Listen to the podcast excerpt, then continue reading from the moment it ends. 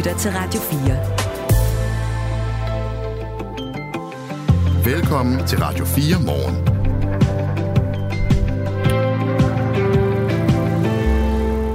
Ministerudtalelser, de kan stå i vejen for retssagen mod øh, den svindel mistænkte Sanjay Shah, og det er altså ham her, som er mistænkt for øh, i den her udbytte svindel sag, hvor øh, statskassen er gået glip af milliarder af kroner. Og forsvarsadvokaterne, øh, som kører sagen for Sanjay Shah, de øh, vil have sagen mod ham afvist. De peger nemlig på, at øh, tidligere ministerudtalelser har været alt for bombastiske, og ikke levnet meget tvivl om, at de synes, altså ministerne, at Sanjay Shah er skyldig. Om et øjeblik så taler vi med Kåre Pilmand. Han er forsvarsadvokat for den, øh, øh, den mistænkte Sanjay Shah. En lastbil med grise brød i går i brand på en motorvej.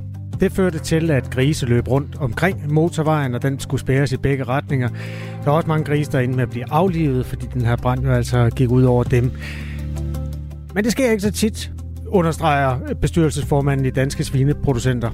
Dyrenes beskyttelse synes, det sker alt for tit. Det er indtil videre sket seks gange her i årets første ni måneder.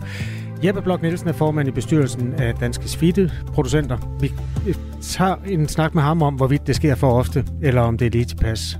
Omkring 19 minutter over 6. Det var meget præcist. En biskop har fået et guldkors i afskedsgave, og det her guldkors, det kostede 48.500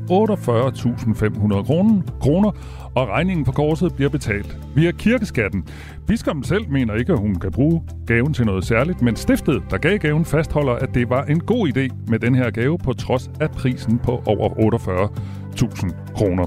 Det er også en historie, vi har til jer her til morgen. Ja, og så er der jo den politiske debat om autocamper, de her, øh, hvad skal man kalde dem, sammensmeltning af den store bil og den store campingvogn, den bliver der flere og flere af, og de er lidt problematiske, for der er ikke nogen, der tjener så mange penge på dem. De parkerer jo bare og passer sig selv. Og i øvrigt lægger de også beslag på noget plads. Derfor har der været en lukket politisk høring om det, for at få lagt nogle retningslinjer for, hvordan man kan gebærde sig, når man triller rundt i en autocamper. Det er kommunernes landsforening, der står for det her. Men øh, vi tager lige diskussionen, også med ejerne af en campingplads, og så for, øh, med formanden for, ja, der er faktisk en interesseorganisation, der hedder Danmarks Frie Autocamper. Okay. Ja, formanden hedder Jørgen. Han er med sammen med campingpladsejeren om cirka 37 minutter. I ved det godt, øh, men jeg siger det alligevel. Øh, du lytter til Radio 4 morgen, og din værter her til morgen, det er Kasper Harbo og Michael Robach. Og postkassen er åben. Ja, det er den da. Øh, nummeret er 1424, hvis du har sms til os. Du skriver bare. Godmorgen. Godmorgen. Du lytter til Radio 4 morgen. Flere ministers udtalelser kan stå i vejen for, at den svindelmistænkte Sanjay Shah fra udbyttesagen får en retfærdig rettergang. Sådan lyder det fra forsvarsadvokaterne, der vil have retten i Glostrup til at afvise sagen mod Sanjay Shah. Forsvarsadvokaterne peger på, at både nuværende og tidligere ministre har udtalt sig alt for bestandt om den her sag, og ikke mindst om skyldspørgsmålet, og at der i den forbindelse kan være tale om et brud på både retsplejeloven og den europæiske menneskerettighedskonvention. Og Sanjay Shah, øh, bare lige for en god ordens skyld, det er altså ham her, der er mistænkt i det, der hedder udbyttesagen for at have svindlet for flere milliarder kroner. Kåre Pilman er forsvarsadvokat for Sanjay Shah, og han har samlet nogle af de her tidligere ministerudtalelser for at lade dem indgå i sagen. Godmorgen. Indgå i sagen. Godmorgen. Godmorgen, godmorgen. Du mener, at de her udtalelser fra forskellige øh, minister betyder, at han reelt er dømt på forhånd. Hvordan det? Hvordan det? Vi er i hvert fald bekymrede for det. Nu har vi jo lavet en samling over udtalelser, som ministre har øh, fremsat gennem årene. Og det er jo udtalelser, som samlet set tegner et meget negativt billede af vores klient.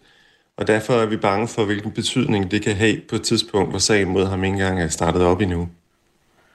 Lad os lige tage et øh, par eksempler. Ifølge Finans.dk så er sagen blevet kaldt øh, for Danmarks største skattetyveri af tidligere øh, skatteminister Carsten Lauritsen fra Venstre, og han har blandt andet udtalt, at gerningsmændene troede, og nu citerer at de kunne snyde og svindle for milliarder, og så gemme sig i Dubai og andre lande. Og i en udtalelse øh, til TV2 øh, 3. april i går, der sagde justitsminister Peter Hummelgaard i forbindelse med en afgørelse om udlevering af øh, Sanjay Shah fra Dubai til Danmark følgende. Derfor er jeg også meget tilfreds med, at vi nu som samfund kan sende et klart signal til den her type habitkriminelle om, at intet skjulested er sikkert, uanset hvor i verden man befinder sig. Hvorfor er de her, øh, hvor de, hvorfor er de her udtalelser problematiske?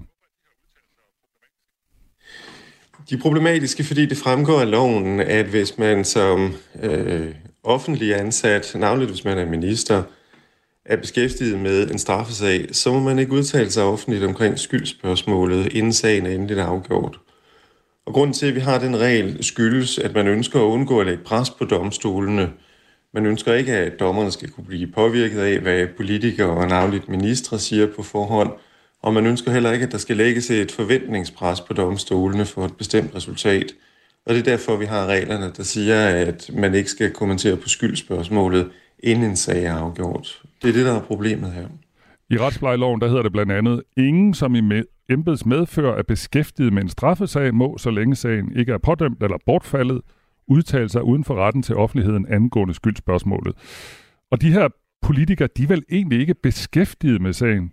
Og desuden, desuden så skal der vel være plads til, at politikere kan udtale sig om sager, der har stor betydning for vores samfund, og som politikerne har været optaget af at få løst. Jeg tror ikke, der er nogen tvivl om, at både øh, skatteminister, justitsminister og udenrigsminister må anses for øh, beskæftiget med sagen. Og der er heller ikke noget problem i, at de benytter sig af deres ytringsfrihed.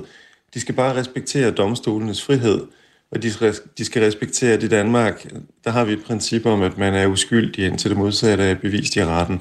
Og det er det, der er vores betænkelighed her, og det er derfor, vi har rejst problemstillingen.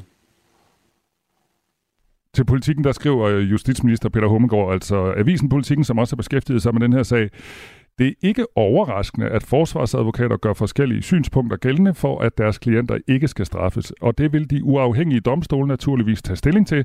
Jeg mener ikke, at mine udtalelser foregriber en vurdering af det skyldspørgsmål, som selv sagt henhører under domstolene. Har han ikke en pointe? Vi bryster os jo af, at vores domstole jo gerne skulle være fuldstændig uafhængige af det politiske system. Jo, nu tror jeg heller ikke, vi citerer øh, Peter Hummelgaard øh, i det indlæg, som vi har sendt til retten, og det er klart, at domstolen er uafhængige. Men når man hører øh, de samme synspunkter gentaget igen og igen og igen af skiftende ministre gennem årene, så festner der sig efterhånden det samme billede i befolkningen, herunder de domsmænd, som øh, skal afgøre sagen. Og det er det, som sagt, der er problemet. I vores indlæg til retten citerer vi jo fra en række afgørelser fra Menneskerettighedsdomstolen, som ser ret kontant på den her problemstilling, og som kritiserer, når ministre offentligt går ud og udtaler sig om skyldspørgsmålet, og siger, at der kan være tale om et brud på menneskerettighederne. Men det er det, vi ser frem til at få de danske domstolsvurdering på. Men hvad er det præcis, du egentlig frygter? Altså frygter du simpelthen, at domstolene ikke er uafhængige? Vi frygter, at domstolene kan, øh, ligesom alle andre mennesker, øh, have lyttet til de udtalelser, som er fremsat igen og igen og igen de sidste cirka otte år. Og vi frygter selvfølgelig også, hvad et forventningspres på domstolene kan lægge. Man kan sige, selvom vi i Danmark har nogle af verdens bedste og dygtigste dommer, så er vi alle sammen mennesker. Og hvis man hører den samme historie fortalt igen og igen og igen, så er det menneskeligt set umuligt at undgå, at man i en eller anden udstrækning virkede. Man kan jo blot se de reaktioner, som vores indlæg nu har, har givet anledning til rundt omkring. Når folk de hører det synspunkt, så bliver de jo nærmest forarvet. Og den forarvelse understreger jo netop vores pointe, fordi det viser, at folk allerede har en ret klar holdning til, hvad der er op og ned i sagen. Og som sagt, det er det, det, er det vi er bekymrede for. Og hvad er jeres mål så egentlig? Altså er det at få afvist den her sag fuldstændig, og så skal Sanchez Char gå fri? Det, der er vores synspunkt i det indlæg, vi har indledet til retten, det er, at retten skal afvise sagen. Det er en slags totrinsraket, hvor retten i første omgang skal vurdere, om der er sket et brud på menneskerettighedskonventionen. Og hvis retten kommer til den konklusion, at der er sket et brud på menneskerettighedskonventionen, så skal retten herefter vurdere, hvad betydningen er herunder, om bruddet er så eklatant, så det ligefrem kan medføre, øh, at sagen skal afvises. Sådan sagde Kåre Pilmand, der er forsvarsadvokat for Sanjay Shah. Tak skal du have. Fornøjelse. Og Sanjay Shah er altså mistænkt for at være hovedmand i sagen om svindel med udbytteskat, og han nægter så skyldig. Radio 4. Ikke så forudsigeligt. Vindmøller i det danske landskab har altid skabt, lad os sige, delte meninger og modstand. Der er mange, der ikke har lyst til at få vindmøller i baghaven. Men øh, nogen, der faktisk har indsigelsesret imod, om der bliver opført vindmøller, det er de danske folkekirker. Det er sådan en særret, kirken har men den skal væk. mener kommunernes landsforening, som en øh, reaktion på regeringens kommende planlov. Det bliver lidt kompliceret nu, men altså, den her nye planlov, den øh, lader jo kirkernes særret blive stående, og det er altså det, som øh, kommunerne har noget imod. Ja, og der er mange aktører i det her, så nu prøver jeg lige at gøre det op. Ifølge regeringen, så indskrænker den nye planlov dog folkekirkens indsigelsesret over for vindmøller. Men regeringens bud på en ny planlov gør slet ikke nok op med kirkernes ret til at gøre indsigelser mod vindmøller. Nu skal du høre en rigtig menneskestemme. Det er Birgit S. Hansen. Hun er jo altså borgmester i Frederikshavn, og så er hun formand for kommunernes øh, klima- og miljøudvalg. Da vi fik tegnet de her ind på et kort, man kan sige, deres intention ramte virkeligheden, der kunne vi se, at det var over halvdelen af Danmarks arealer, der stadigvæk er dækket af kirkernes vetoret. Og det er simpelthen både forældet, at nogen har en vetoret i et demokratisk samfund, men det er også en stor barriere for, at vi kan finde arealer til at sætte øh, for eksempel vindmøller op. Det her det handler jo om, at der er rift om det danske landskab, og det er derfor, der er en interessekonflikt mellem vindmøllerne og kommunerne. For eksempel den i Frederikshavn, hvor Birgit S. Hansen her er øh, formand. Der er paragraf 3 jord, der er Natur 2000, der er øh, i øvrige natur- og miljøhensyn. Vi skal udlægge noget, øh, hvor vi skal lave øh, multifunktionel jordfordeling og udtagning af lavbundsjord. Ja, øh, formand fik jeg sagt. Borgmester er hun selvfølgelig i Frederikshavn, Birgit S. Hansen. Kirkernes mulighed for at sætte en stopper for nye vindmøller, den er udemokratisk, og det gør det jo et svært at omstille til grøn energi mener Birgit Hansen. Der er jo flere parter, der skal levere for, at det her går op i en højere enhed, og at vi når målet om en firedobling af energiproduktion på land. Regeringen har et mål, har meldt ud. Det er staten, så at sige. Øh, kommunerne har en opgave som myndighed. Opstillerne, branchen har en opgave. Og så er der jo også øh, naturligvis øh, borgerne, virksomhederne, der kalder på det her. Og så er der jo også et hensyn i forhold til planlægning, kirkerne osv. Men der plejer vi jo i et demokratisk samfund at lave en planlægning og øh, så lave øh, sådan, at man kan blive hørt. Og øh, det er ikke det samme som en vetoret. Og for at vi kan levere alle de parter her, så skal vi have ryddet nogle af alle de snubletråde af vejen, der hindrer, at vi får leveret på den grønne omstilling. Siden 2017 har der været 10 indsigelser mod vindmøller fra folkekirkernes side. Det oplyser Kirkeministeriet. Det er gennemsnitligt under to indsigelser om året. Alligevel så mener øh, formanden for KL's Klima- og Miljøudvalg, Birgit S. Hansen, at der er et reelt problem med kirkernes ret til at gøre indsigelse mod nye vindmøller. Der er et problem, og det er der, når vi kan nævne konkrete eksempler, hvor at myndigheder, borgere, opstillere, branchen er kommet rigtig langt og kirken så trækker det her kort, der hedder en vetoret, og 10 gange er faktisk 10 gange for meget. Det er jo ikke det samme som, at der ikke er til kan være gode argumenter, og dem skal vi også lytte til. Men den her kan man næsten sige, automatik, at der er en vetoret, som man kan udnytte, der jo stort set uden modargumentation øh, kan skrinlægge øh, projekter, der måske er kommet rigtig, rigtig langt. Den er simpelthen forældet. Sådan sagde altså Birgit S. Hansen, som er formand for kommunernes Landsforeningens Klima- og Miljøudvalg. Klokken den er 18 minutter over 6, og dine værter her til morgen, det er Kasper Harbo og Michael Robach. Godmorgen. Jeg levede, jeg levede som kriminel i 6 måneder. Jeg var med til at sælge stoffer. Jeg stod med folk med skyder og knive, kæmpe poser coke og distribuerede. Det sidste måltid er tilbage med en ny sæson. Jeg blev sat ind i en rockerborg. Så sidder vi og spiller poker. Med nye gæster og nye samtaler om det liv, der er levet. Det er en drøm at prøve, men det er ikke et liv, jeg har lyst til at leve. Og den død, der venter efter den sidste bid. Jeg kan garanteret komme i spillet for at sidde og sige sådan noget. Lyt til det sidste måltid i Radio 4's app, eller der, hvor du lytter til podcast. Radio 4. Var det det? Det var det. Ikke så forudsigeligt. En væltet lastbil med grisebrød i brand i går morges nær Aarhus, og i forbindelse med den brand løb der grise rundt på omkring motorvejen, som blev spærret i begge retninger. Der var også grise, der endte med at blive aflivet. Den her øh, giver jo lidt genlyd i branchen, fordi det er ikke første gang i år, der sker ulykker med grisetransporter. Øh, et øh, firma ved navn Bittegris transporterer grise, og der er Niels Jeppesen direktør. Han reagerede sådan her, da han hørte nyheden i går. Det var utroligt træls at, at både se og, at høre, og det er jo det, der sker, men jeg kunne forstå, at det, det ser ud som om, der er gået en uh, ild i nogle bremser eller i en dæk, og det har så forårsaget den ulykke, der er sket. Og um, Og en ulykke øh, med, med dyretransport, det er en ulykke for meget. Så det er, det er, det er trist. Men det er altså stadig et fortal af transporter med grise, der får ulykker, øh, vurderer Jeppe Blok Nielsen, som er formand i bestyrelsen af Danske Svineproducenter. Det er jeg, der lever af at øh, opfostre svin i Danmark. Øh, godmorgen, Jeppe Blok Nielsen. Godmorgen. Ifølge dyrenes beskyttelse er det den 6. forulykkede grisetransport i år. Øhm, hvordan kan det være, du mener, at det ikke er meget? Jeg vil først gerne lige starte med at sige, at den øh, grisetransport, der var i i går, den var ikke væltet, der var bare gået i den. Øh, men ja, øh, jeg synes ikke, øh, altså det igen, vi skal jo holde fokus på bolden, ikke? Og sige, øh, ni grisetransporter, der i år er væltet. Øh, når vi sidder og regner på tallene, så kører der cirka 116.000 grisetransporter øh, om året. Øh, og det synes jeg, synes jeg jo sætter tingene lidt i relief, at, at det måske ikke er et ret stort problem.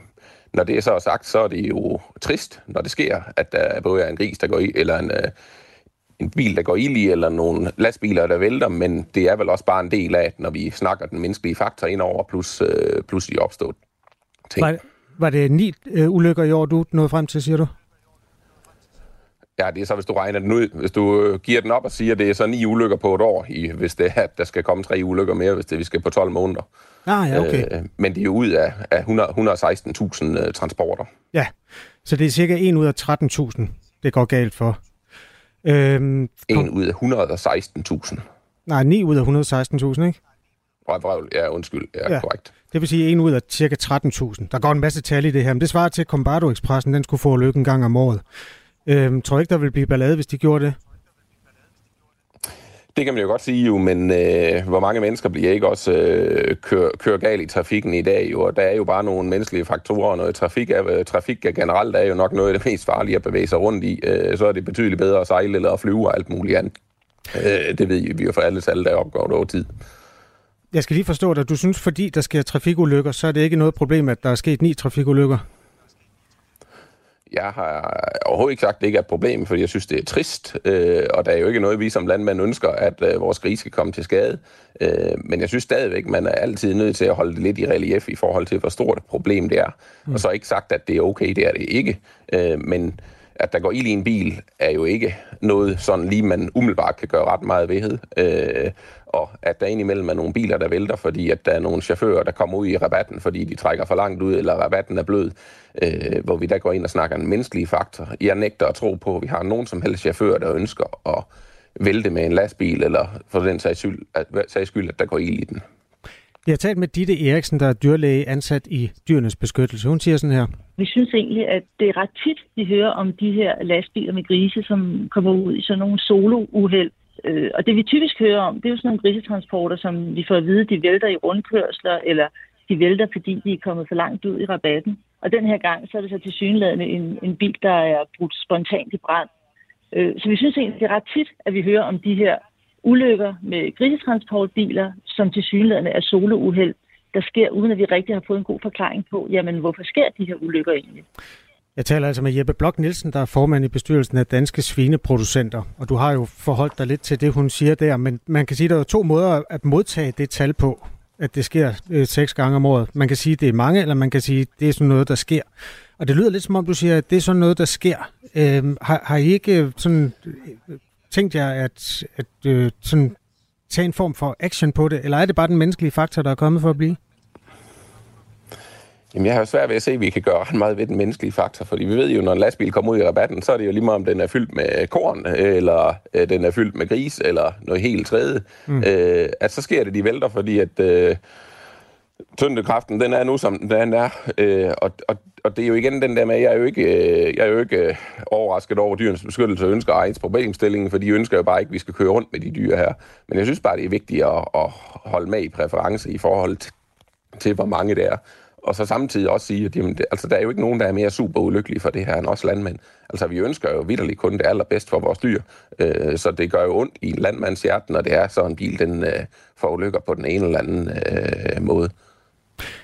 Det med dyrevelfærden inde i bilerne og sådan noget, kan vi måske komme tilbage til en anden gang, men lad os blive på antallet. Altså, jeg, jeg brugte lige sammenligning med Combardo Expressen, fordi det passer faktisk meget godt. De kører sådan godt til 10.000 afgange der øh, hvert år. Hvis nu der røg en i rabatten hvert år, og man så hørte direktøren for Cambardo Expressen sige, det her det skyldes simpelthen den menneskelige faktor. Øh, det det kan vi ikke gøre så meget ved, så tror jeg ikke, den vil blive købt. For, forstår du sammenligningen? Jeg synes ikke, det er en færre sammenligning, fordi at det, det er at samle æbler, eller hvad, sammenligne æbler og pærer, fordi at, at, at, at der snakker du også øh, en, en helt anden ting jo, fordi at, at det du så også skal huske her, det er jo, at, øh, at hver bil, øh, når det drejer sig om, de har smågris med, så har de måske 650 med i gennemsnit, og når vi snakker slagtsvin, så har de 200 med i gennemsnit. Så, så der er jo også mange, mange dyr med øh, ombord. Jo. Så, så hvis du går ud og begynder at, at at lave sammenligningstal, så, så er det en anden måde, du skal gøre det på. Men, jeg, har, jeg har regnet det om. Men der er, stadigvæk... Jeg har øh, lavet forholdstallene der, så de, de er sådan set i orden. Det er mere spørgsmål om, gør det lige så ondt? Du sagde lige, det gør rigtig ondt på jer landmænd, når jeres dyr kommer til skade. Det, det er derfor, jeg ikke forstår, hvorfor at, at det sådan bliver afskrevet som almindelig statistik. Jamen, det er jo almindelig statistik. Altså, det er jo ikke... Øh, og, og, og det er jo igen vigtigt at holde fast i. Det er jo ikke, fordi vi ønsker det her jo. Men, men, men, men hvad, er det, hvad er det, vi skal gøre noget ved? Altså, det, er, det er jo ikke... Øh, jeg har jo svært ved at se, når vi langt de fleste ulykker, vi snakker, der går ind i en bil, så kan man sige, at det er en menneskelig faktor, eller er det en fejl, eller hvad er det? Øh, det er jo, det, det er jo en fejl. ting. Øh, og, så, og så de fleste andre øh, ulykker, som så sker, øh, i hvert fald det, man oftest hører om, det er jo så biler, der vælter, ikke? Mm. Og det er jo den menneskelige faktorer jo ikke, jo. Ja. Øh, og, og, og det er jo ikke fordi, at Altså, jeg nægter at tro på, at der er nogen som helst chauffør, der ønsker at vælte med en bil. Så når han nu er, er, er kommet til at trække for langt ud i rabatten, og indimellem sker der også en, der så har kørt for hurtigt rundt i rundkørsel. Altså, jeg tror jo ikke på, at der er nogen som helst, der, der synes, det er ret sjovt jo. Øh, så jeg tror ikke på, at, at, at... Jeg tror, det bliver svært at tro på, eller man skal være en lille smule naiv, hvis man tror på, at man kan eliminere det her til at blive nul, når det trods alt er noget, der kører rundt ude i trafikken. Det er jo sådan med trafikken, når man vil have nedbragt antallet af dødsulykker, så øh, laver man kampagner, og man laver sikkerhedsforanstaltninger. Det gjorde man, altså i min barndom, der døde der tre om dagen i, i biltrafikken i Danmark. Det er meget, tallet er meget lavere i dag. Øhm, sidste år, der døde der 0 mennesker i ulykker med busser i Danmark. Så det er bare for at sige, det kan jo godt lade sig gøre at lave tallet 0, hvis man gør nok for det. Kunne man overveje en form for kampagne sådan internt, hvis det er det der med at rulle ud i rabatten, der er problemet? Jamen, det, det, kan, det kan man jo sagtens, men hvor, hvor altså... Øh, nu kender jeg en chauffør, der selv er væltet med sådan en bil der, og jeg, jeg kan love dig for, at det sidder dybt i den mand. Ja. Øh, og derfor så er det jo ikke, altså, det, det er jo noget, branchen selv også har fokus på, og der er, fordi der er jo ikke nogen, der selv, altså der er virkelig ikke nogen, der ønsker øh, at køre i en ulykke med en, øh, med en lastbil fyldt med dyr. Altså det, det, jeg synes, man får det fremsat som om, at øh, vi bare er ligeglade, og det, det er ligegyldigt, om der vælter nogle biler, men der er jo nogle mennesker, der er inde blandt i det her. De, der er virkelig ikke nogen, der synes, det er sjovt. Øh, hverken det er derfor, jeg undrer mig heller lidt. ikke øh, chaufføren. Det er derfor, jeg undrer mig, Jamen, fordi det, det ikke er sjovt for dem. Det kommer altså... sig over, jo, fordi... Ja. Jamen, det kommer an på, hvordan man vinkler det jo, fordi at dyrenes beskyttelse, de svarer far i flink over, at øh, der er en bil, der er væltet jo, fordi at, at de har lidt en anden dagsorden, end vi har. Jo. Ja. Øh, og det er jo igen, øh, er seks mange, eller hvad, hvad er mange i forhold til? Øh, øh, altså det, det, er jo, det er jo svært at sætte op. Jeg vil sige, en er en for mange, men, men, men jeg er jo bare ikke øh, naiv nok til at tro på, at vi kan have nul. Øh, fordi sådan fungerer tingene bare ikke, når det er, at vi har den menneskelige faktor ind over. Øh, og, og, og, og jeg vil ikke være med til at komme derhen, hvor jeg siger, at det er heller ikke okay som chauffør ikke at, at lave fejl, fordi det er okay at fejle som menneske. Øh, men, men derfor er det jo super ulykkeligt, når det sker. Øh, og som jeg har sagt flere gange, det er, at det, der er jo ikke nogen, der gør mere ondt på end os landmænd. Altså, vi vil vidderligt kun de her dyr det godt. Det kan være, det gør mere ondt på dyr, grisene. der ligger i en lastbil, er ikke nogen sjov oplevelse. Ja, nej, og det, det, det er virkelig ikke en, en sjov oplevelse for nogen. Øh, når en transport øh, får lykker, som det skete i går, så er der jo også store øh, lidelser for dyrene og stor risiko for de andre passagerer, der skal bruge vejen. Det er også derfor, vi er sådan interesseret i, hvad man kan gøre for at få antallet længere ned end de seks, der er sket i år til dato. Øhm, bare lige afslutningsvis, nu er der kun lige 50 sekunder, Jeppe Blok Nielsen, men øhm, har I en dialog internt om, om, hvad man kan gøre for ikke at ryge rabatten og vælte med sin bil? Jamen, transportbranchen, øh, de, de gør jo, hvad de kan, jo, så det, men, men altså for ikke at køre i rabat, ja, du gør det med at køre derud, altså. Mm. Øh, men, men, men så simpelt er det jo bare ikke, jo, fordi vi skal jo også huske, det er jo nogle store lastbiler, ikke, og hvis der kommer noget imod, og øh, der kommer en lille bil, og chaufføren synes, at øh, ham skal han heller ikke presse for meget, så, så det er jo, altså, en eneste måde, du kan gøre det, er jo oplyse på, at øh, så skal de beholde på vejen, og så må de bakke dem, der kommer imod dem. Altså det, men, men nogle gange, der er det bare svært, det her. Øh, og igen, den mange menneskelige faktor, og, og øh, i det her er bare stor, og, og hvis man lige er uopmærksom bare et split sekund, ikke, øh, mm.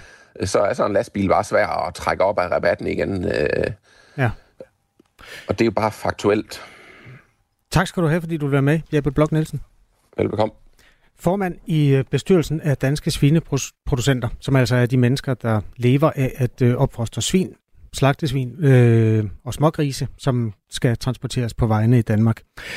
Klokken er halv syv.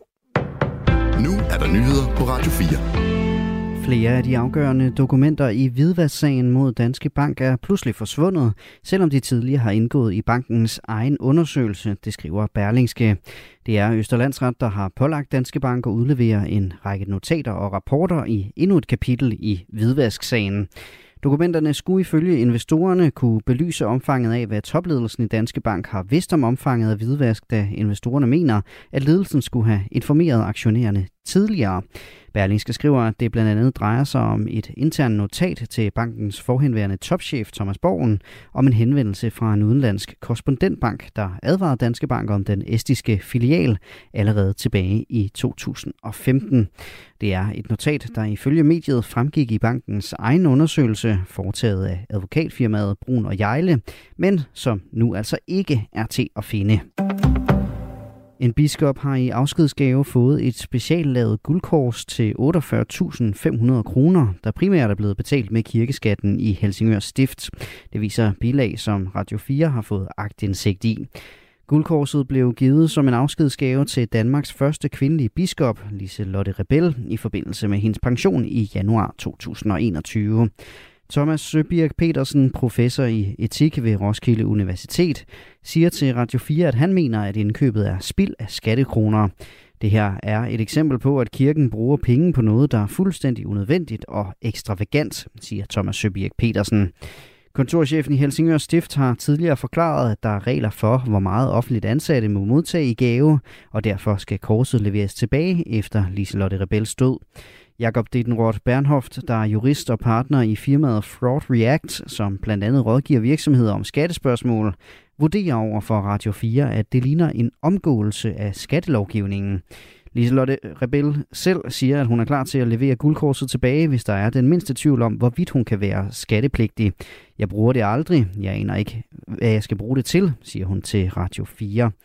Helsingør Stift vurderer selv, at der ikke skal svare skat af en gave, der stilles til rådighed til brug i biskoppens emeritustid, og stiftet har ikke ønsket at stille op til et interview med os her på Radio 4.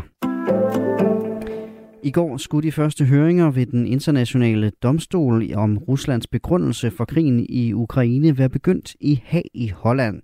Men før sagen kan starte, skal en helt anden ting først afklares, hvor der er svarfrist i dag. Susanne Digmar fortæller mere. Rusland opfordrer FN's øverste domstol til at forkaste sagen. Det russiske argument lyder, at den internationale domstol ikke har kompetence til at dømme i sagen.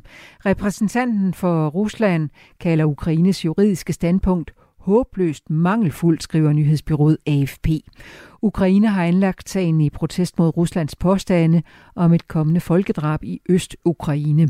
Den russiske repræsentant hævder, at udtalelser om folkedrab ikke hører under folkeretten og heller ikke under FN's folkedrabskonvention. Ukraine vil have fastslået, at Rusland brugte påstande om et kommende folkedrab i Øst-Ukraine som et påskud for at invadere landet. Ifølge Ukraine er FN's folkedrabskonvention derfor blevet krænket af Rusland. Høringen i går var første gang, at den russiske repræsentant udtalte sig i sagen. Ukraine skal komme med et svar i dag. Vekslende skydække og en del byer, der først på dagen lokalt kan være med torden. I løbet af eftermiddagen regn fra vest og temperaturer mellem 15 og 19 grader. Jævn til frisk vind fra sydvest og senere hård vind til kuling med vindstød op til stormende kuling. Ved kysterne lokalt vindstød af stormstyrke. Det var nyhederne her på Radio 4 med Asbjørn Møller. Det her er Radio 4 morgen. Husk, at du kan sende os en sms på 1424. Du kan for eksempel fortælle om den bedste afskedsgave, du har fået i din erhvervskarriere. Det er aktuelt, fordi en biskop har fået en god afskedsgave, eller ja, faktisk ikke særlig god, men i hvert fald dyr. Øhm, en, et guldkors til 48.500. En regning, som er blevet betalt med kirkeskatten i det stedlige stift. Biskoppen mener selv ikke, at hun kan bruge gaven til noget. Men i stiftet, altså afsenderne, dem der har givet gaven, der fastholder de, at det var en god idé at give det her kors til 48.000 kroner i afskedsgave til den øh, biskoppen, som er altså trådt fra. Den historie skal vi nok få ud øh, lige om lidt. Så kan man jo tage stilling til, om det er en god eller en dårlig gave. Vi skal også tale om øh, autocamper, fordi de deler vandene. For nogle er det sådan en pestilens, og måske lige frem en øjebæ. Det var det ord, Ekstrabladet engang opfandt. Mm. Øh, som stadig findes i sproget. Og for andre så er det altså den ultimative frihed på landevejen, det her med autocamper. Øh, vi taler om autocamperen øh, lidt senere, øh, og men den her totale frihed, som nogen føler, når de er ude at køre, den bliver måske skærpet. Der har nemlig været en lukket høring i Folketinget om nye retningslinjer for autocamper. Det oplyser kommunernes landsforening til Avisen Danmark i dag. Vi taler med Peter Christensen, som er ejer af Hennestrand Camping, og så taler vi også med Jørgen Skov, for, som er formand for interesseorganisationen Danmarks Frie Autocamper. Det er cirka kvart i syv. Ja, når vi nu er ved det med transporten, så er der flere, der reagerer på det interview, der fandt sted før nyhederne. Nemlig med formanden for danske griseproducenter, eller svineproducenter hedder det vist, som øh, forholdt sig til, at der er sket seks forulykkede, eller seks, øh, seks grisetransporter er forulykket på danske veje i år. I forhold til antallet er det ikke særlig mange, synes øh, formanden, og det er jo så det, man kan øh, diskutere. Det gjorde vi så. Steve han skriver til os, at han synes, det er danskernes egen skyld, at øh, der er til sker uheld. Hvis danskerne synes, der skal tages mere hensyn, skriver Steve, under transporten, så kan de starte med deres egen opførsel. Dyrene har det med at klumpe sammen i den ene side af bilen, hvilket gør lastbilen eller båsene, hvilket gør lastbilen mere ustabil, men stadigvæk håndterlig. Det begynder at knibe på sikkerheden, når personbiler i trafikken laver hovedløse manøvrer foran os. Og det gør de foran alle lastbiler, skriver Steve til os. På, den, på 1424. Ja, og Allan skriver, er det ikke fordi grisetransporterne kører på veje, der er betydeligt anderledes end Combardo Expressens små landeveje med meget lidt plads, og derfor kommer ud i rabatten? Og det er altså en kommentar til, Kasper, at du talte om det her med, at uh, Combardo Expressen kører også rigtig meget og har ikke så mange uheld som uh, de her grisetransporter. Nej, hvis man skulle have sådan cirka samme frekvens af uheld øh, på øh, bustransporten her til lands, så vil det ramme øh, Combardo Expressen cirka en gang om året. Det gør det jo ikke. Altså, der forulykker ikke en, en, en bus hvert år. Det er derfor, man kan diskutere, om, om man skal tættere på nul. Men, men det er jo en, en fin diskussion, og vi kommer jo et, øh, mere i dybden med den lidt senere på morgen, for der har vi en vognmand med, chauffør, øh, som har kørt med grise. Og så kan vi også få hans øh, bud på, om det her antal af ulykker, det kan komme ned på nul. Det er den 19. september, og klokken den er 6.37. Jeg hedder Michael Robach. Jeg hedder Kasper Harbo. Godmorgen. Godmorgen. Det her er Radio 4 morgen. Husk, at du kan sende os en sms 1424. Nu skal vi til den med biskoppen og guldkorset, og en regning på 48.500 kroner, som bliver betalt med de penge, der er kommet ind i kirkeskat. Altså medlemmerne af Folkekirken har været med til at finansiere den her øh, ret kostbare gave. Det her det fremgår af nogle dokumenter om høje udgifter i Folkekirken, som vi på Radio 4 gennemgår i den kommende tid. Et sted viser biskop, øh, bilagene, altså at en biskop har fået en ret dyr afskedsgave. Det er i Helsingør Stift, hvor den tidligere øh, biskop, Liselotte Rebel, øh, eller Rebel, hvordan er det, man... Jeg tror, det er Rebel. Rebel, sådan er det. Øh, hun gik på pension i januar 2021, og afskedsgaven fra øh, stiftet, altså hendes arbejdsgiver, det var altså et guldkors til 48.500 kroner. Det er penge, der kommer fra de mange 100.000 danskere, som er medlem af Folkekirken. Det var jo ikke en gave, som biskoppen blev særlig glad for selv, men det er så en anden historie. Ja. Og det er noget, hun altså siger, da vi på Radio 4 fortæller hende, at en ekspert vurderer, at stiftets indkøb ligner en omgåelse af skattelovgivning, så var det altså, hun sagde til os, at den her gave ikke betyder særlig meget. Det er meget forbavset og overrasket, og, og jeg tænkte, jamen altså, jeg er jo ude af embedet, så jeg har jo ikke rigtig noget at bruge det til. Altså, det er et kors, man bruger, når man øh, har gudstjeneste, eller har ordination, eller øh, optræder i procession og så videre. Og jeg er jo gået på pension, så jeg blev sådan set også meget overrasket over det. Tanken er sød. De har gjort det i deres hjertesgodhed. Det er jeg overbevist om. Men, men, men du kan nok se, det er jo ikke rigtig noget, jeg kan bruge til noget. Vi har også talt med professor i etik, i etik på RUK, Thomas Søbjerg Petersen hedder han, og han mener, at det her indkøb af det her guldkors til mere end 48.000 kroner, det er spild af skattekroner. For mig at se, at det, er det et eksempel på, at kirken bruger penge på noget, der, der er fuldstændig værdiløst. Ikke? Og når de så samtidig har det helt centrale budskab i, i kristendommen, som jeg fuldstændig bakker op omkring, det er, at vi skal hjælpe folk i nød, og vi skal fokusere på det åndelige, ikke det materielle. Så, så sådan en gave er fuldstændig i modstrid med, for mig at se, hvad, hvad, hvad, hvad kirken står for.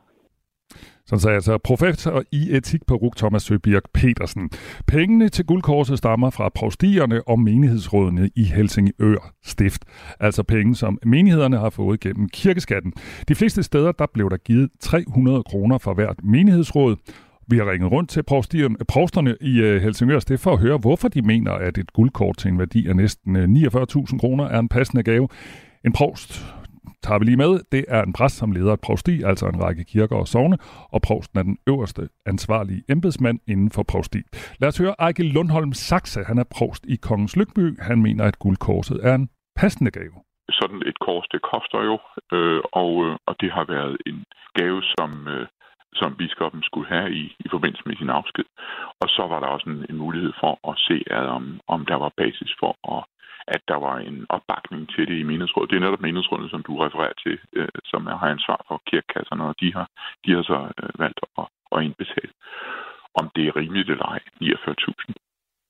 Mm, altså, ja, man kan jo altid sige, at man kan altid øh, kunne have lavet det billigere, men ja, så var det nok ikke blevet så godt et, et guldkors, som det er blevet til. Jeg håber, du kan leve med, at det bliver til sådan lidt, lidt florombunden, fordi øh, umiddelbart kan man jo høre, at 49.000, det, det lyder meget, men, øh, men når man er på, på øh, i, i øh, sådan en øh, sammenhæng, hvor øh, man laver øh, smukke ting, så, så koster så koster det. Og det er det, vi ved også i kirkerne, når vi, når vi netop laver mange ting i vores kirker, som skal holde i mange år, og, og de skal være smukke. Ja, øh, smukke ting koster, lyder det altså fra Ejgil Lundholm Saxe, provst i Kongens Lyngby, som her forholder sig til det guldkors, som koster de der knap 50.000 eller knap 49.000 kroner øh, givet til den øh, afgåede biskop i Helsingør Stift. Der er også opbakning fra en anden provst, det er Gladsaxe Herlev provst i, øh, der er det Peter Valdis Senberg, øh, som mener, at de her penge er givet godt ud. Man kan jo, man kan jo have alle mulige meninger om det, men så længe beslutningen er truffet inden for de gældende lov og bestemmelser, så er det jo det. Altså, øh, så det har jeg ikke nogen, øh, noget andet at sige til. Øh, altså, det, er jo, det er jo sådan, det er. Og hvis man synes, at der er truffet nogle øh, forkerte beslutninger, så må man jo stille sig op til meningsrådet næste gang, der er valg og mulighed for det. Ja, det er et guldkort, som altså er givet til Liselotte Rebel i afskedsgave. Og det er ikke en helt normal gave.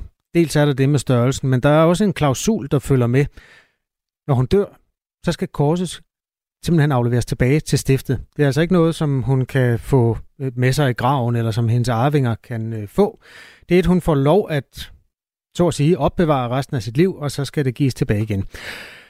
Prosten i øh, et tredje provsti har vi også ringet til. Han hedder Jørgen Dejen Bjerrum, og han er provst i Rødovre Hvidovre. Han øh, forventer ikke, at der bliver samlet ind til en så stor gave som guldkorset ved næste øh, afgangsfest for en afgående biskop det, det her, det er jo det, at der er øh, logik øh, for, for burhøns, at, øh, at det, øh, det gør, gør vi nok ikke igen.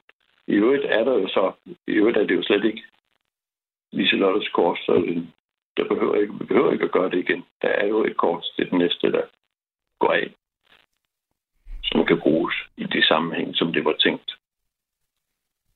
Sådan sagde altså provsten i Rødovre Hvidovre, han hedder Jørgen Dein Bjerre. Vi har efterspurgt et interview med Helsingør Stift, som har stået for indsamlingen af pengene og fået ideen til gaven. De ønsker ikke at stille op til interview, men de oplyser i et skriftligt svar, at Helsingør Stift ikke har brugt pengene på købet, men at det er midler fra menighedsråd og prostier, der har betalt. Selvom Helsingør Stift flere gange selv har omtalt købet af øh, guldkorset her som en gave, så skriver stiftet til os, at det er altså en fejl, at guldkorset er blevet omtalt som en gave. Stiftet skriver, faktum er nemlig, at guldkorset med kæde er stillet til rådighed for biskop emerita Liselotte Rebel med følgende klausuler. Korset er ejet af bispeembedet, det er stillet til rådighed for biskop emerita Liselotte Rebel i hendes levetid. Det skal leveres tilbage til embedet ved hendes dødsfald. Ja, og det betyder så, det var argumentet, vi hørte for lidt siden, så har man altså et nyt kors, man kan give til den næste, der træder fra. Øh, den siddende biskop i Helsingør Stift, han hedder Peter Birk. Øh, men det kræver selvfølgelig, at han øh, holder ind til den nu afgåede biskop Emerita, hun ikke lever længere, fordi ellers så har man altså ikke noget kors, man kan give til ham. Det interessante i det her, det er jo, om det er en gave eller ej. Fordi hvis man får noget af sin arbejdsgiver, så skal man faktisk betale skat af det. Øhm, det har simpelthen betydning for Liselotte Rebel, om hun skal betale skat af guldkorset eller ej, hvorvidt det vurderes at være en gave. Helsingør Stift, som stod bag, vurderer selv, at Liselotte Rebel ikke er skattepligtig af gaven, fordi, som vi var inde på, hendes efterladte skal aflevere det tilbage igen, når hun dør. Men det er faktisk ikke alle, der er enige i den vurdering. Jakob Dedendorf Bernhoft er jurist og partner i firmaet Fraud React, der blandt andet hjælper virksomheder med at sikre sig mod økonomisk kriminalitet og rådgiver om skattespørgsmål, så man holder sig på den rigtige side af linjerne der. Han mener, at sagen er usædvanlig. Han vurderer, at øh, der taler om en omgåelse af skattelovgivningen. Han hæfter sig ved stiftets forklaring om, at den tidligere biskop vil skulle betale skat af gavens værdi, hvis ikke det skulle afleveres tilbage. Her kommer et citat. Han siger, at det er nærmest en tilståelse. Intentionen har jo været, at hun skulle have en gave, men på den måde klæder man det ind i en lånesituation, så hun ikke skal betale skat. Citat slut. Og det er, da hun bliver forelagt den her vurdering fra Jakob Detenhoff Bernthoft, at Liselotte Rebel siger til os, at hun faktisk ikke har noget at bruge det her kors til.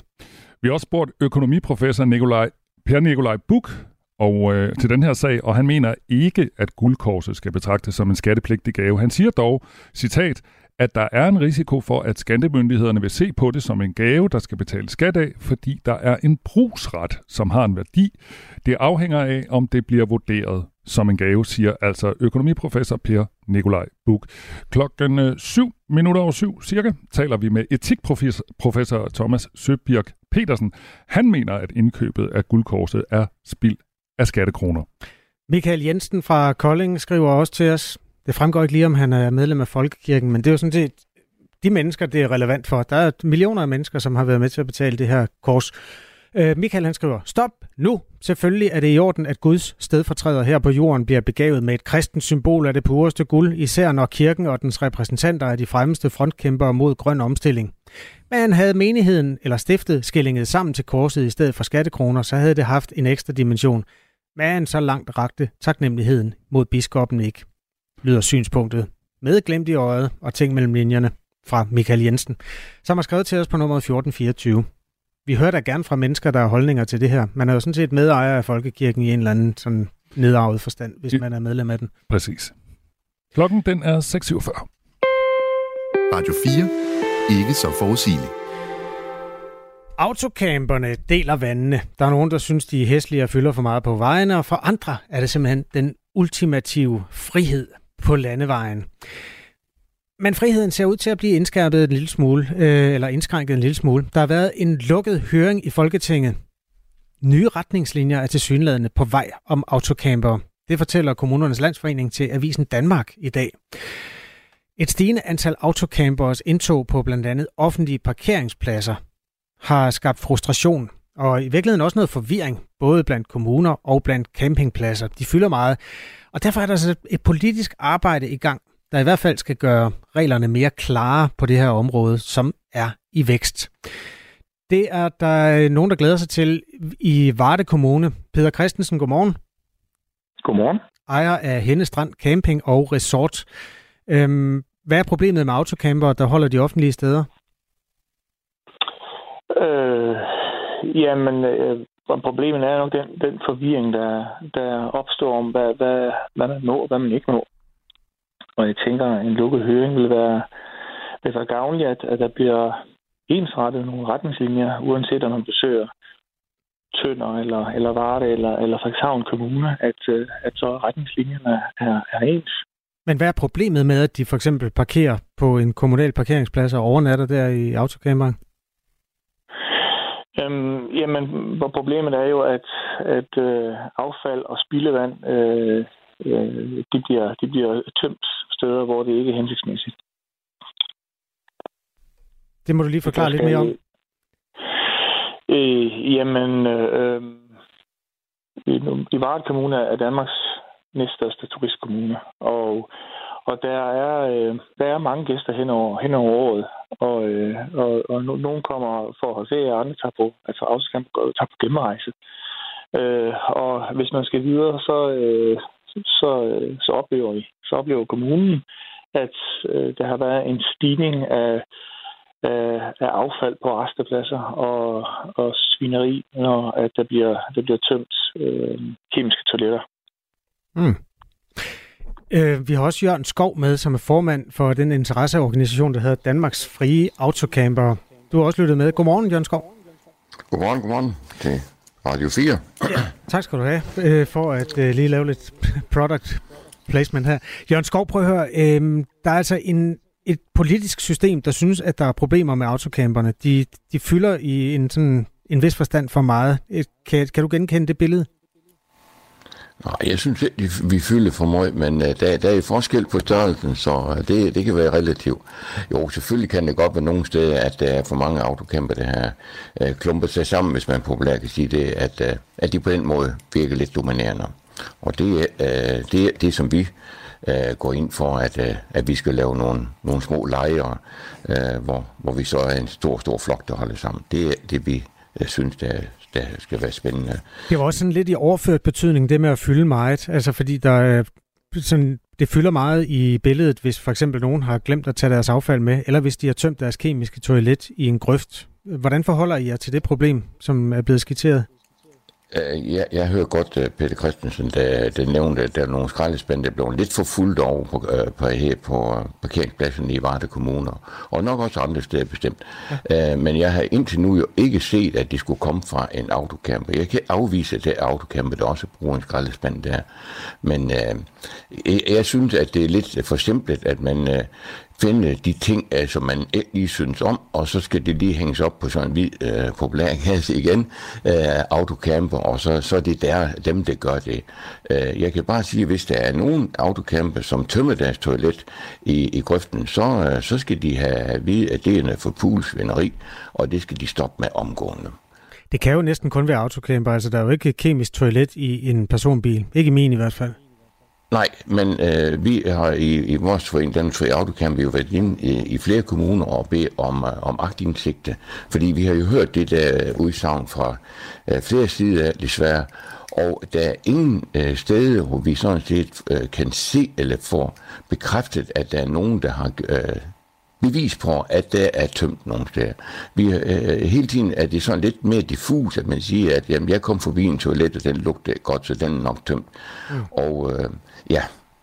Lad, det kan være, at vi lige skal have sådan bevisbyrden på plads der, Peter Christensen. Det var dig, der nævnte det der eksempel. Øh, er du sikker på, at det har fundet sted, at nogen har tømt deres kemiske toilet?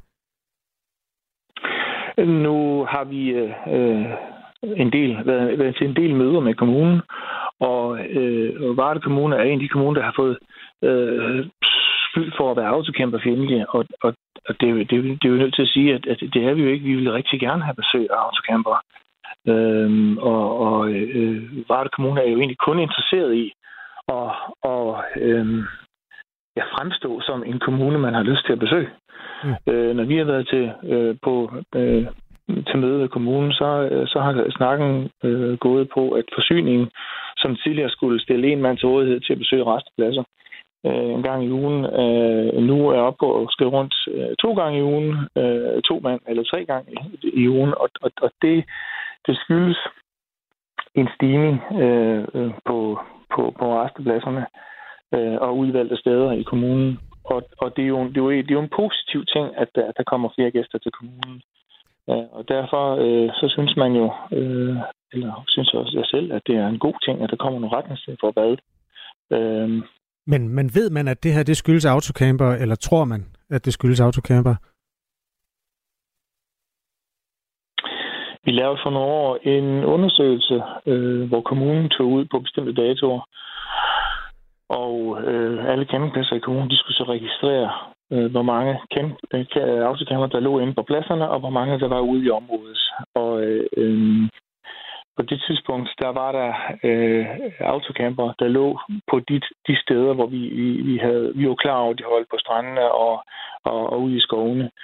Øh, langt de, de fleste autocamper vælger at køre ind på enten en, en, øh, en autocamperplads eller en, en campingplads.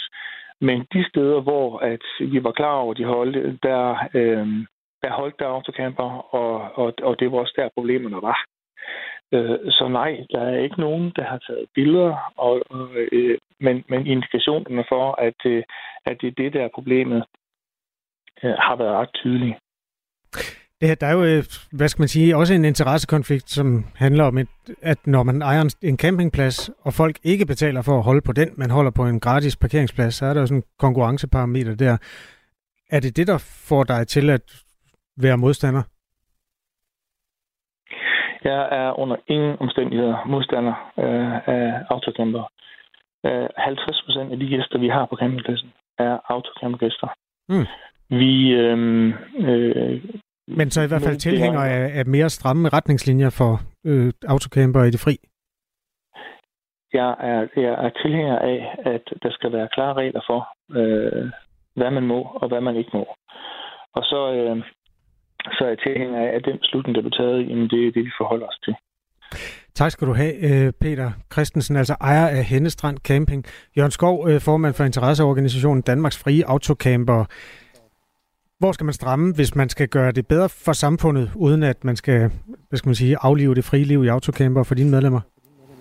Nå, man kan begynde med at læse øh, en, et godt skriv, som Kyst Natur øh, har udsendt nu her i øh, juni måned i år, hvor de egentlig sådan ret øh, fint øh, skitserer op, øh, hvad der er regler, og hvad der er lovligt, og hvad der ikke er lovligt uh, rundt omkring. Øh, og øh, det undrer mig rigtig, rigtig meget, at øh, Peter Christensen og selvfølgelig også andre øh, har vi og læst den øh, rigtig gode skriv. Der er selvfølgelig nogle steder, som jeg godt kan have sat en lille finger, og jeg synes, der er, de, de rammer helt plet, men øh, det er et rigtig, rigtig godt skriv, som vi også har, i vores forening har været med til at få udarbejdet. Så der er regler, der er, det er, det er anarki, som øh, det bliver lagt op til nogle steder. Det er det bestemt.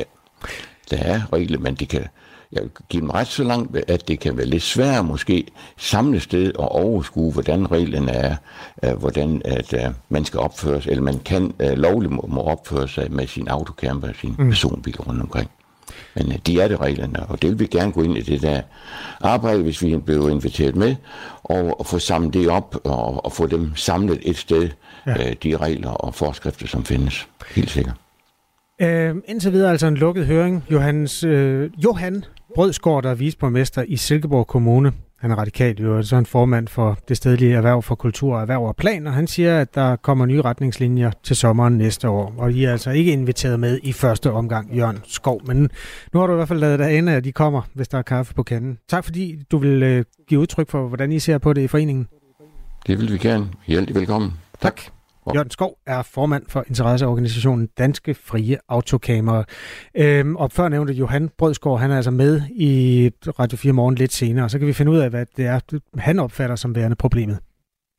Klokken er to minutter i syv den her tirsdag. Godmorgen. Radio 4. Ikke så forudsigeligt.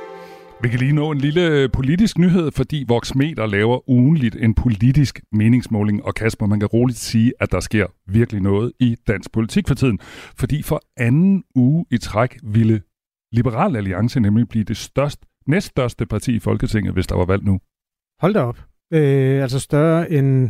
Ja, det har faktisk øh, i en periode været SF, der ligesom oh, ja. var det næststørste. Okay.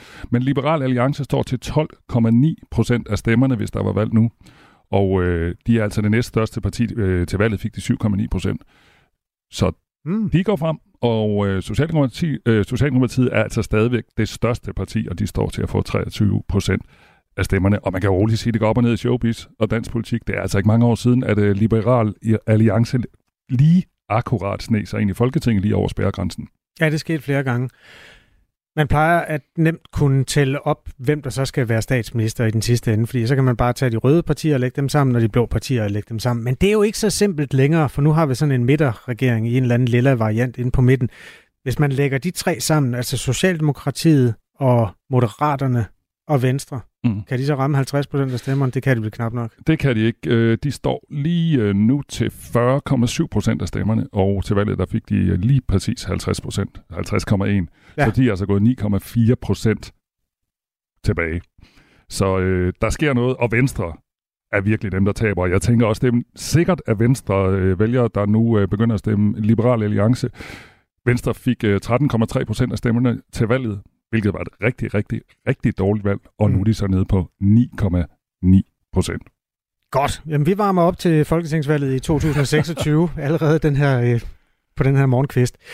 Ja, det er Robak og øh, Kasper Harbo, og så er det vores kollega Asbjørn Møller, der har nyhederne klokken 7.